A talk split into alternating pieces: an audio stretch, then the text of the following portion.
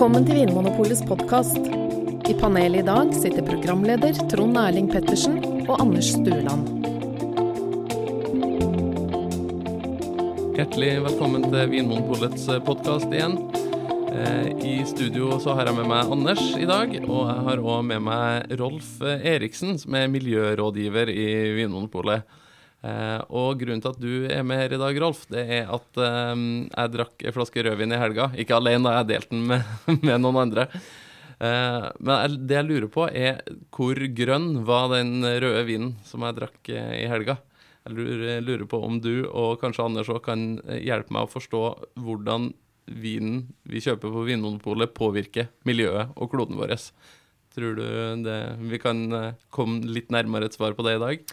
Ja, det kan hende. Det første jeg ville spurt om, det er uh, hvor, uh, hvilken produsent var det? ja, nei, det kan jeg Det kan ikke ikke du si på lufta. Det kan ikke men, du si. men jeg kan Nei. si at den kom fra Argentina. Det var en rødvin fra Argentina. Ja.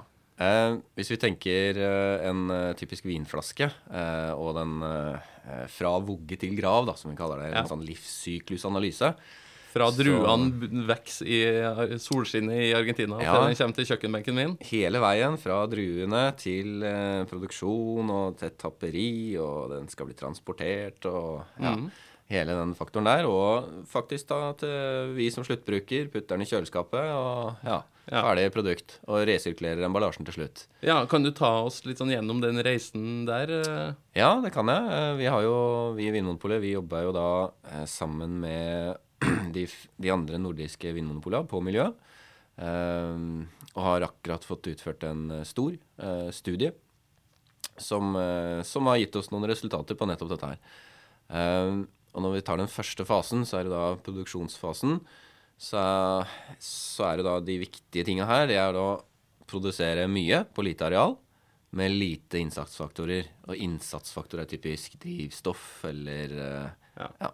At man er liksom effektiv når man dyrker druene og lager vinen? Ja, effektiv. eh, ja, Og særlig da med energibruk og drivstofforbruk. Det er Ja. de to eh, store, tunge miljødriverne da, på den sida. OK.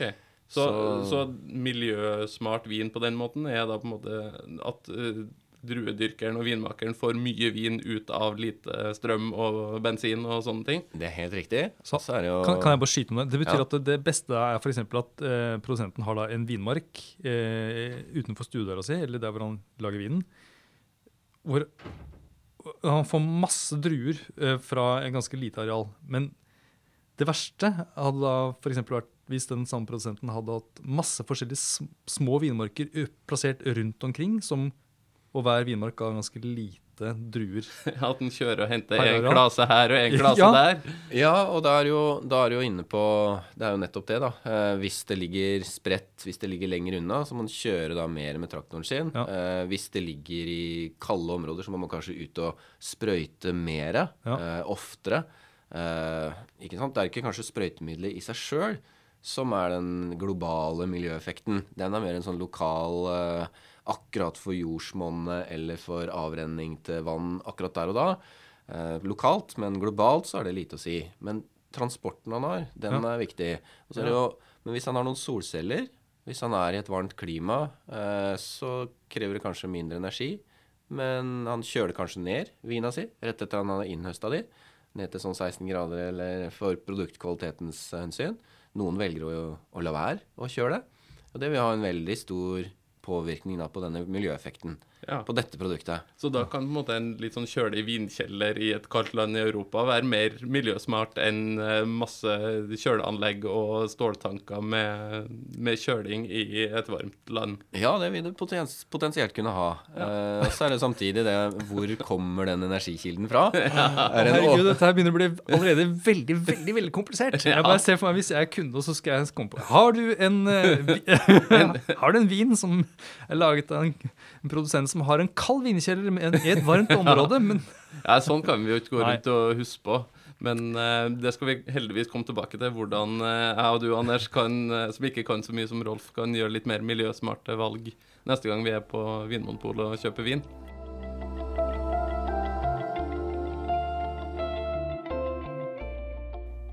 Visste du at Vinmonopolet er miljøsertifisert og skal være den ledende faghandelskjeden på miljø i Norge? Vi har bl.a. redusert papirbruken vår med 200 tonn hvert år siden 2009. Interne miljøkonsulenter i Vinmonopolet følger opp butikkenes energiforbruk, håndtering av avfall og innkjøp av miljømerkede produkter. Bæreposene våre er laget av 50% gjenvunnet plast. Enda bedre for miljøet er det om du velger gjenbruksnett eller en pappeske. Lett emballasje er miljøsmart emballasje. Den tyngste glassflasken i butikkene våre veier 1,1 kilo, mens den letteste plastflasken veier bare 54 gram. Visste du at tomme plastflasker kan bli til fotballdrakter?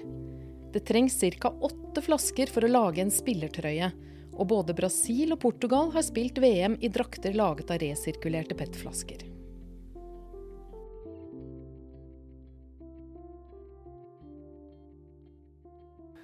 Som vinmonopol så, så, får vi inn våre flasker. De har en vekt, eh, en emballasjevekt. Ja. Den er veldig viktig. Den studien forteller at eh, hovedfotavtrykket til våre produkter det kommer faktisk knytta til emballasjen. Fotavtrykk, det er da altså- Fotavtrykk. Det er Det er da hvor mye CO2 eller Ja. hvor mye miljø eh, Ja, det er rett og slett hvor stor miljøpåvirkning har den hatt. Eh, da sier man gjerne et fotavtrykk, da. Ja, ok. Så det betyr at det har noe å si om den flaska som jeg åpna i helga, om den var lagd av glass eller plast, eller om den var lett eller tung, eller om jeg hadde valgt en uh, bag-in-box isteden. Ja, Særlig den nest siste du sa, med hvor tung den var. Ja. Det har mest å si. Eh, sammen med de nordiske pola nå, så har vi på en måte laga en felles eh, forståelse for hva som er et miljøsmart emballasje. Eh, og den setter vi til 420 gram per 0,75 liter. Så det vil si at alt som er under, det er miljøsmart emballasje. Alt som er over, ja. eh, ikke ha den benevnelsen. Men nå veide ikke jeg den flaska som jeg åpna i helga. da, så hva er 420 gram, hva er det sånn cirka? da? Er det lett glassflaske? Ei tung glassflaske? Er det Nei, den er, den er lett. Den er veldig lett, og det vil du merke ganske fort. Det er nesten Eh, sånn at hvis jeg løfter den opp, så blir jeg, kan jeg bli overraska over hvor lett Ja, ja, delvis. Og vi snittvekta i, på alle flasker nå Nå vet vi ikke det helt eksakt, men hvis vi sier den er på 650 gram, da, OK. Eh, så vil det være da de 200 gram av forskjell, eh, pluss minus. Men den tyngste flaska som jeg har funnet, eh, den veier jo 1,1 kilo. Oi. Bare, Bare bare flaska. flaska. Altså 1,1 kilo, og, og det var da eh, 750 milliliter vin i den flaska. ikke sant? Vanlig flaskestørrelse. Ja, så da var det uten innhold. Ja. Ja, ja, men tenker jeg altså det, den vekten av flaska er da eh, faktisk Mer. mer, enn vinen inni, selv om det er en litt tung rødvin. Ja, ja, ja. Ja. Og glass er, er jo Hvis man da tar, ser på ulike emballasjetyper for seg, da, mm. per gram eller per vektenhet, så er jo glass et veldig energikrevende materiale Ja. som skal smeltes om. Vi har jo ikke pant på flasker, Nei. eh, så det må knuses, og så må det smeltes om til nye flasker. Veldig energikrevende prosess, som også da Ja. får det der berømte miljøfotavtrykket. Da blir Ja. det ganske høyt igjen. ja. Når det er Eh, masse glass i flaska istedenfor Ja. bare litt som i de lettvektsflaskene. Ikke sant. Eh, så hvis vi ser da en sånn rangering av ulike emballasjetyper, så er det jo glassflaska som kommer dårligst ut. Men lettvekt er i hvert fall et stykke på veien. Mm. Uh, og så har vi da PET-flasker, plastflasker. Ja. Eh, og så går det da nedover helt eh, Hvor mye- bag-in-box. Hvor mye veier ei sånn plastflaske, da? For det har jeg jo sett litt eh, mer av nå de siste årene i, i hyllene på polet, at eh, noen viner kommer på sånne plastflasker. Hva veier den sammenligna med da glassflaske på fra 400 til 1,2 kilo? Ja, ikke sant. Eh, en typisk eh, PET-flaske vil jo veie da 55 gram, eh, type. Så 55 gram. det er ganske mye mindre, og det har da en del å si for miljøfotavtrykket. Ja, og når man setter det her litt opp mot, uh, opp mot hverandre, så blir det litt sånn innlysende. uh, med at å ja, den veier bare 54 gram. Uh, Sjøl om den da er laga av olje, eh, som i utgangspunktet da ikke er noe Man tenker det som en sånn miljøversting i utgangspunktet. Men hvis du bruker bare noen dråper med olje for å lage noe, så er det mye bedre enn å bruke masse olje for å lage strøm for å lage, Glasset. eh, for å lage glasset. 1,2 kilo glass. 1,2 kilo glass. Så man må alltid liksom se det i sammenheng med, med sluttproduktet. Og da er det vekta som har mest å si. Så Og jeg vet at denne, Hvis jeg skal gå en lang tur, så er det lettere for meg å bære altså, Ja. Poenget mitt er at du skal jo frakte denne flaska også. Ja, ja. Eh, eh, nå tenker jeg ikke hvis du skal gå inn til hytta, men hvis du skal frakte det fra der hvor produsenten er, til der den skal selges. Mhm. Mm. Så vil det jo koste mye mer også Ja. frakte en sånn 1 kilos flaske enn en sånn 50 grams flaske. Mm. Ja, og det er jo det neste steget igjen som, eh, som vi kan ta i den, eh, Ja. i den verdikjeden vår. da. Det er jo Ja, for du har allerede tenkt på dette, har du? Dette har jeg tenkt på. ja, det er bra. Det er godt vi har sånne som deg, Rolf. Eh, ja, for vinen på Vinmonopolet kommer fra alle verdenshjørner. Fra New Zealand og Australia og Chile og California og USA. Det er ganske langt unna ofte. Eh, hvor mye har det å si hvilken måte vinen er transportert på fra de her ulike stedene hvor druene dyrkes, Rolf? Metoden har mer å si enn avstand. Ja. Forklar ved Ja. hjelp av eksempler. Eh, hvis man da kjører eh, det, som, det som er vanlig, da, det som er eh, veldig vanlig her i, her i Vinmonopolet, er å bestille store kvanta. Da kan man sende det med en båt som har en sånn eh, tank som du kan fylle masse liter oppi. Så kjører du en båt stappfull. Eh, da blir det et veldig lavt CO2-fotavtrykk per liter. Mm.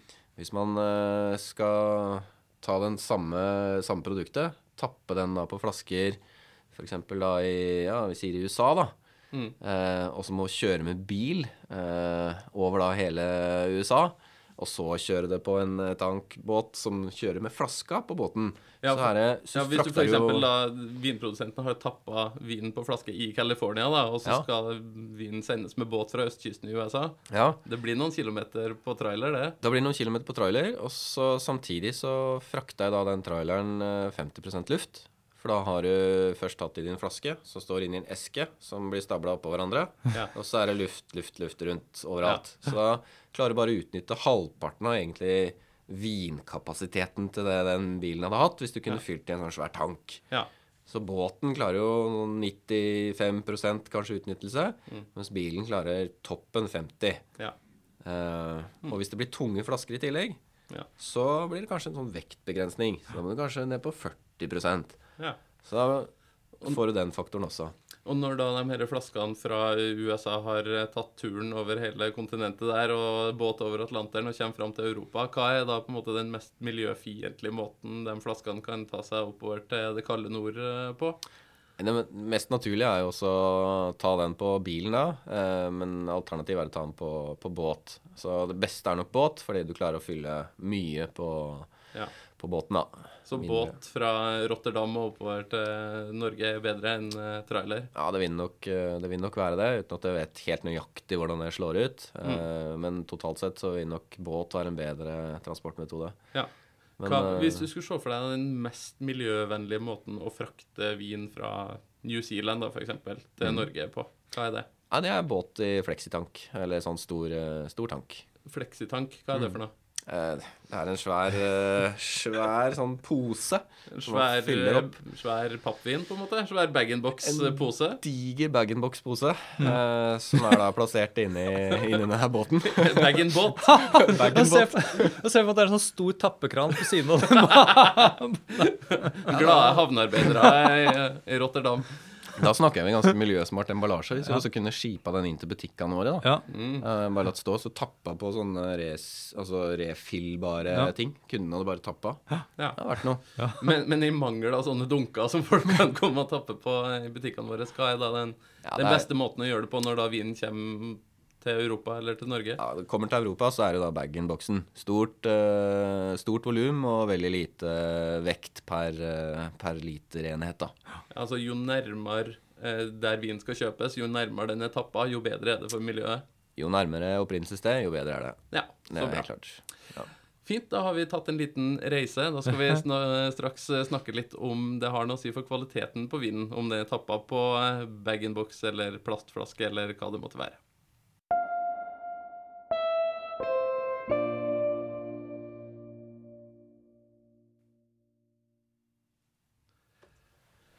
Og Anders, da skal du endelig få snakke om noe du kan noe om. Noe jeg tror jeg kan, kanskje. Ja, eller i hvert fall mer enn uh, miljøregnestykker, antageligvis. Hvordan påvirker det kvaliteten på vinen, uh, hva den er tappa på? Har det noe å si om vinen er tappa på plastflaske eller bag-in-box eller ei tung glassflaske. Jeg, eh, jeg Jeg tør vel hevde at det ikke er så stor forskjell på det om Altså, hvis den samme vinen tappes på en glassflaske eller på en PET, så Hvis du drikker vinen sånn ganske raskt etter at du har kjøpt den, eller at den ikke har blitt stående for lenge i, oppbevart i butikk eller eh, på et lager et eller annet sted, så tenker jeg at de er like De smaker likt. Ja. Ja. Og, Fordi- og det er jo en ganske Jeg husker ikke det nøyaktige tallet, men jeg tror jeg har lest at over 90 av eh, vinen som kjøpes på Vinmonopolet omtrent, blir, blir da Ja. drukket innen noen få uker eller måneder etter at de Ja, er kjøpt. Så ja. en veldig lav prosent er, skal lagres i mange år. Ja, og kjøper du en sånn eh, plastflaske eller en sånn PET-flaske, så det er ikke sånn at du må ikke drikke den vinen innen liksom en, en uke. Innen helga er nei, over. og jeg tenker at uh, det gjelder uansett, uansett hva slags vin du har uh, hjemme, så sett den et sted hvor, det er, hvor den ikke står i direkte ly, sollys, f.eks. At Mm. den står eh, ikke for varmt og sånt. Og det gjelder og enten det er PET eller plast. Og da tenker jeg et halvt år er ikke noe problem. Men Mm. saken er at den, denne plastflaska den slipper gjennom litt mer den slipper gjennom litt oksygen. Mm. Bitte litt. Sånn at blir den, hvis du lagrer den i ja, flere år, så, så vil du utsette vinen for mer, mer oksygen. Men Mm. samtidig så eh, tapper jo disse kaldt Altså dyr vin tappes på glassflasker veldig ofte. Mm. Og da bruker man gjerne naturkork. Og da sier man at jo, man trenger naturkork fordi vinen trenger å puste. Mm. Fordi natur, den korken slipper gjennom litt luft. Bitte, bitte litt luft. Ja. Men vinen får jo puste i plastflaske òg, Mm. Gjennom plasten. gjennom plasten. ja. Mm. Og samme i en bag-in-box. Det Ja. er det jo plast og aluminium som er Mm. posen er lagd av. Ja, jeg tror det er litt, sånn, litt romantikk er inne i bildet når det Ja. gjelder det med sånn, hva slags materiale man ønsker på, eh, Mm. rundt vinen. Men jeg tenker, vi klarer jo å drikke cola og, og Mm. brus fra plast, selv om Mm. det er noen som fremdeles Foretrekker glassflaske. foretrekker den gode, gamle glassflaska. Ja. Ja. Ja. Men, eh, men egentlig all vin på Vinmonopolet heller i et halvt år eller Ja. eh, opp mot et års tid, uansett eh, hva det er tappa på. Ja. Er det noen andre emballasjer som vi ikke har snakka om, som eh, ja, det er aluminiumsbokser, da. Ja, på vin òg? Eh, ja, det, det fins. Ja. så vidt jeg vet, så er det ikke så mange som har tappeutstyr til å tappe vin på disse boksene, men det har blitt veldig vanlig i, altså i bryggerinæringen. Øl. Ja. Ja, og det, det de har erfart når det gjelder øl, er at det holder seg ferskere, eh, Ja. fruktigere, mye lenger når det er toppet på, på aluminiumsboks. Fordi boksen er helt uh, tett. Helt lystett og helt uh, lufttett. Hvor miljøsmart er aluminiumsboks, Rolf? Vet du noe om det? Ja, det veier jo ikke noe. Nei, sant? Nei, det Det er er et godt poeng. Ja. det, Det veier ekstremt lite. Ja.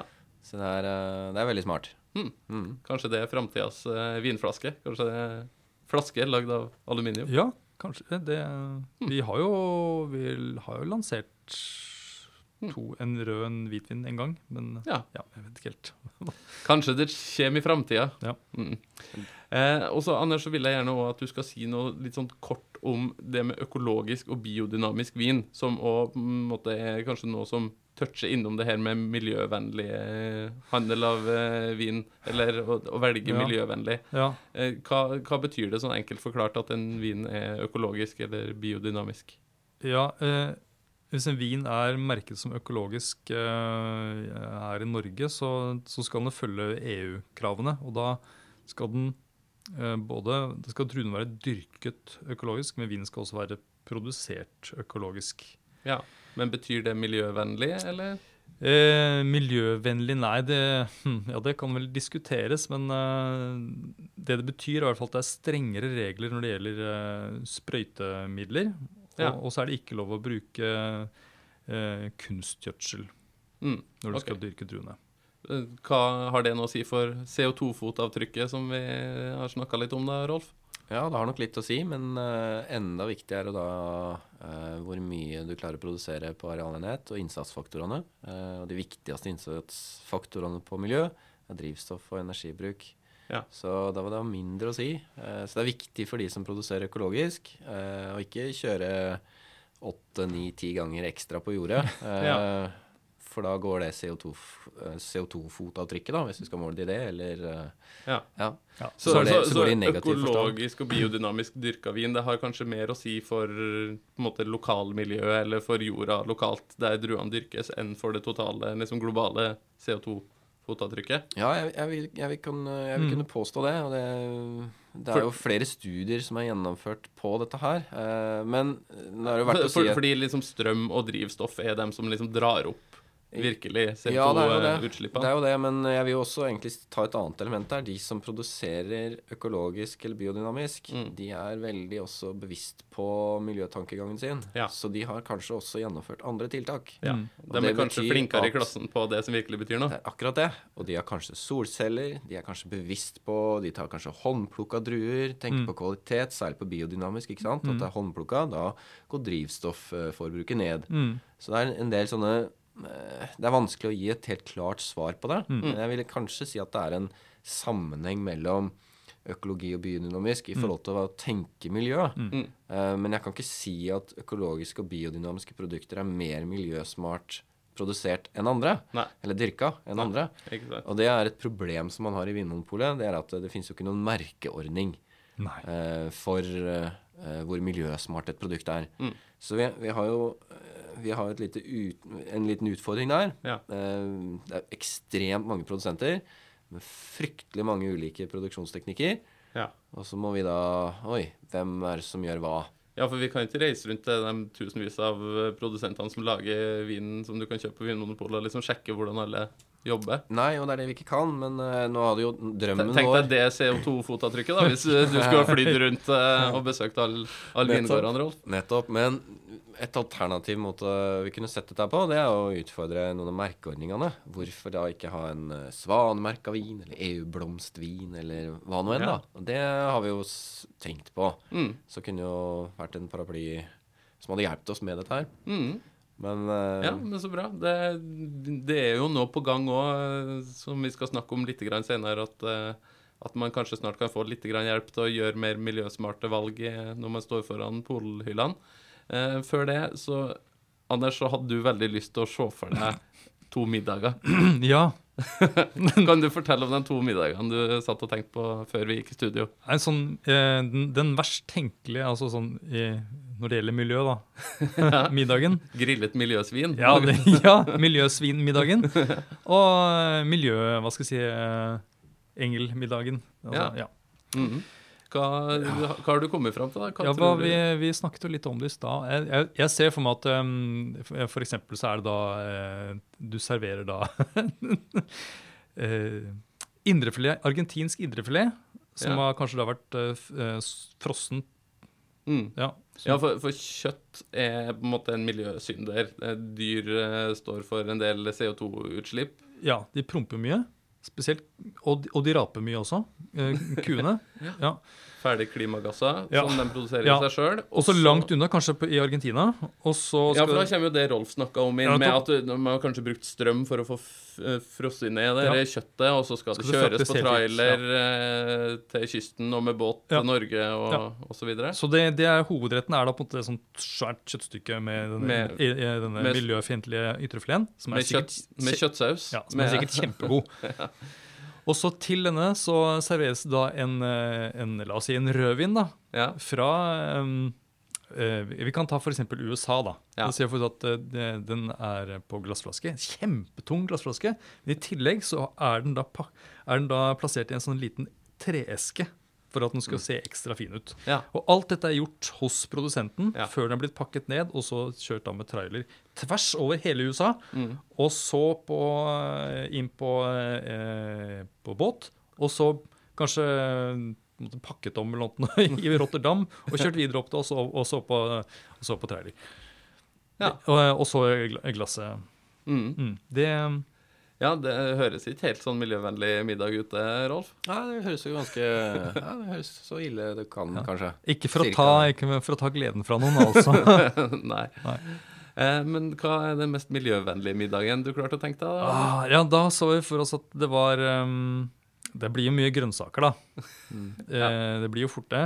Ja. Eh, men eh, vi så oss for at vilt, for eksempel, er vel, er vel greit. Så vi, Mm. En, Promper kanskje litt, dem òg, men ja, jo, men de, på en måte, de promper det uansett. Altså for Mm. elg. Elgen er jo ute i skogen. Så det, hvis den Mm. først da liksom, ja, Ja. er der og promper, så kan vi like gjerne spise den nå. Mm. Um, Ja. Så en, en eh, elg på liksom kortreiste, en seng av kortreiste grønnsaker, ja. eksempel. Og miljøvennlig drikke til det, da. Ja, det må jo, det må jo være altså Aller helst kildevann, selvfølgelig, men Mm. Men nå er, ikke det her Nei, det er Anders. Nei, nei, det er sant. Um, nei, uh, vin Ja. F.eks. Tyskland de er, de er relativt nærme Norge. og De er også flinke når det gjelder det med transport. Og kanskje Ja. aller helst da, da en vin som er blitt sendt på en sånn, en, en sånn stor tank, og så tappet f.eks. her i Norge. Ja. Eh, eventuelt da på en lettfrettsflaske eller på eh, bag-in-box eller Mm. PET. Ja. Plastflaske, altså. Mm. Så bra.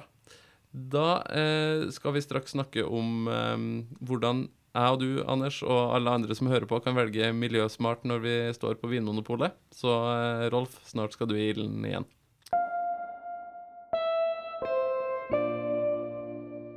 Har vi jo gått gjennom eh, hele verdikjeden til et eh, typisk produkt. Eh, vanskelig å egentlig få noe håndfast første fase, men vi har snakka om emballasje, hvor viktig den var. Mm. Den er desidert viktigst. Så som forbruker, så når du kommer inn i en vinmonopolbutikk, så er det i hvert fall noen tanker vi har, og noen planer. Og det er at vi må få merka de produktene som er miljøsmart emballasje. Ja. Og hva er miljøsmart emballasje for oss? Det har du jo vært litt, litt Ja, inn på. Hvordan Det Det var altså da all emballasje som var under 420 gram Mm. eh, per 0,75 liter. Ja. Så det vil si da at eh, de som ikke er miljøsmarte, for å ta det veldig Mm. enkle, eh, det er da de tunge glassflaskene. Ja. Alt annet blir jo da miljøsmart. Eh, Og nå skal vi snart Men jeg trenger ikke å huske det her tallet med 420 gram eller sånn. Nei, og den kan jo kanskje da etter hvert Vi må jo altså bevege seg litt nedover. Etter hvert Mm. som eh, flasketeknologien eh, utvikler seg. Det er jo Lettvektflaske er jo ikke noe nytt fenomen. Mm. Men tilgjengeligheten den har blitt så mye større. Fordi man ser at dette her er kanskje den veien det går. Uh, Ja. Og fra Vinmonopolets uh, synspunkt så er det viktig med volumproduktene. Mm. Om det er den enkeltflaska som du snakka om til den middagen eh, i trekassa, eh, hvis den kom fra en eh, produsent som har noen tusen flasker, så er det kanskje ikke der vi skal sette ned trykket, da.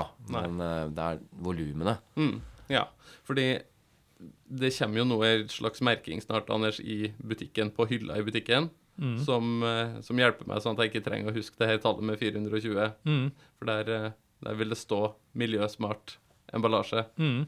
sammen med det som vi kaller bindersa. Kan du bare forklare litt sånn kjapt hva det er for noe? Ja, bind, det er, hmm, um, På hylla da, så så kan du se for deg at der står det flasker på hylla, og så under der så er det en, en, en sånn hylle, en sånn etikett. Der er jo prislappen, Ja, der, og der ja. står det ofte sånn ting. sånn eh, sukker per liter og smaker av ja. frukt og blomster. Ja, og, og litt sånn klok klokkediagrammer Klokkediagram og pris og sånt noe. Ja. Sånn nyttig informasjon. Men i tillegg så har vi da det vi kaller binderser, som er da noe som stikkes inn bak den etiketten. Som er da Ja, sånn til, selv. tilleggsinformasjon. Noen sånne lapper der det står nyhet eller ja. økologisk eller sånne ting. Ja. Mm, Og da eh, kommer det snart en ny eh, sånn lapp der det står 'miljøsmart'. Yes. Jeg håper den blir grønn, så den blir lett å se i butikken. Ja, Nå har ikke jeg sett hvordan den skal se ut, men uh, Vi satser på det. den, den kommer i hvert fall. Mm. Men Rolf, eh, tilbake til det du sa med volumproduktene. Mm. Det er litt viktig, for du har regna på eh, hva det vil utgjøre hvis da de, mest solgte, de ti mest solgte eh, vinflaskene på Vinmonopolet, hvis alle de gikk over til lettvekts glassflaske. Hva vil det utgjøre i CO2-utslipp? Ja, vi har jo tatt en Det er jo en sånn uformell, eh, enkelt regnestykke. Vi har jo en studie som sier noe om hvor stort CO2-fotavtrykket er per vektenhet for glass osv. på de ulike emballasjetypene. Eh, så jeg har rett og slett eh, tatt eh, de ti bestselgerne, veid de, Mm. og sett da på Ja, men hva hvis alle disse her var på 420 gram? Mm. Altså miljøsmart Ja. emballasje. Så ser vi jo at det er ganske store tall, da. Mm. Eh, 1100 tonn CO2 i Oi. året kan vi spare på de ti. Og ja ja, 1100 tonn ja, Hva er det? CO2, det er jo bare noe som flyr opp i lufta der. Og, hvor, hvor mye er det? Eller hva, hva har det å si da for miljøet? Men eh, ja, hvis vi regner om til flyreiser, Oslo-Bergen, 17 000 reiser. 17 000. Oi. Så du skal jo fly en del turer, da. Ja. Eh, ganske glad i reiser til Bergen, hvis du skal ja, da er du glad i Bergen. Men også ja, ca. sånn eh, rundt regna sånn 1459 eh, husstands, fotavtrykk, altså i Norge, Ja. da. Ja. 1459 familier. 1459 familier. Sånn cirka. Eh, totalutslippet fra, fra de. Ja. Ja. ja, men det er jo ganske mye. Og det er på ti Ja. produkter aleine. Tenk på den eh, enorme effekten det har. Så Kan du si litt om hva vi gjør, og hva bransjen gjør for å på en måte få til det her? da? Hvordan kan man få, eh, få produsenter og importører til å gå over til mer miljøvennlig emballasje? Ja, det er et veldig godt spørsmål, det, da. Eh, nå jobber vi jo i et felles nordisk samarbeid. Så det er jo i hvert fall en start, at vi setter felles retningslinjer. Sånn at ikke den ene har den måten å jobbe på, den andre en helt annen. Men at vi prøver å se dette her i sammenheng. Eh, nå har ikke vi tenkt på noen sånne avgifter eller sanksjoner eller pisk eller noe sånt noe, hvis man er over. For vi tenker at eh, ja, de økonomiske gevinstene ved å gå over på lettvekt eh, kanskje er der allerede. At man kan hente ut litt på lavere rett og slett emballasjeavgifter. Eh, transportkostnader, eh, innkjøp av flasker og sånn for den enkelte produsent. At det skal være en viktig faktor. Ja. Samtidig som vi er flinke til å merke. Og samtidig, da som siste element, at vi lærer opp eh, butikkansatte til å vite hva dette her er. Eh, altså de som da er interessert, eh, får da blir veileda på en god måte. Ja. De som er interessert i miljø, kommer på Vinmonopolet, så skal de få en god veiledning. Og da vil jo miljøsmart emballasje være den viktigste faktoren.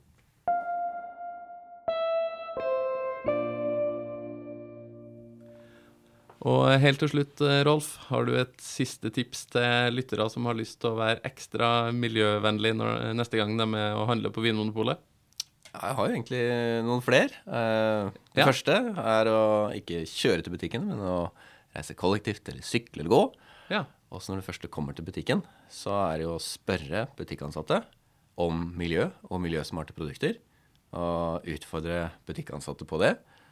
Og når du først kommer til kassa, så har du jo selvfølgelig med deg gjenbruksnettet ditt. Ikke tar en ny pose.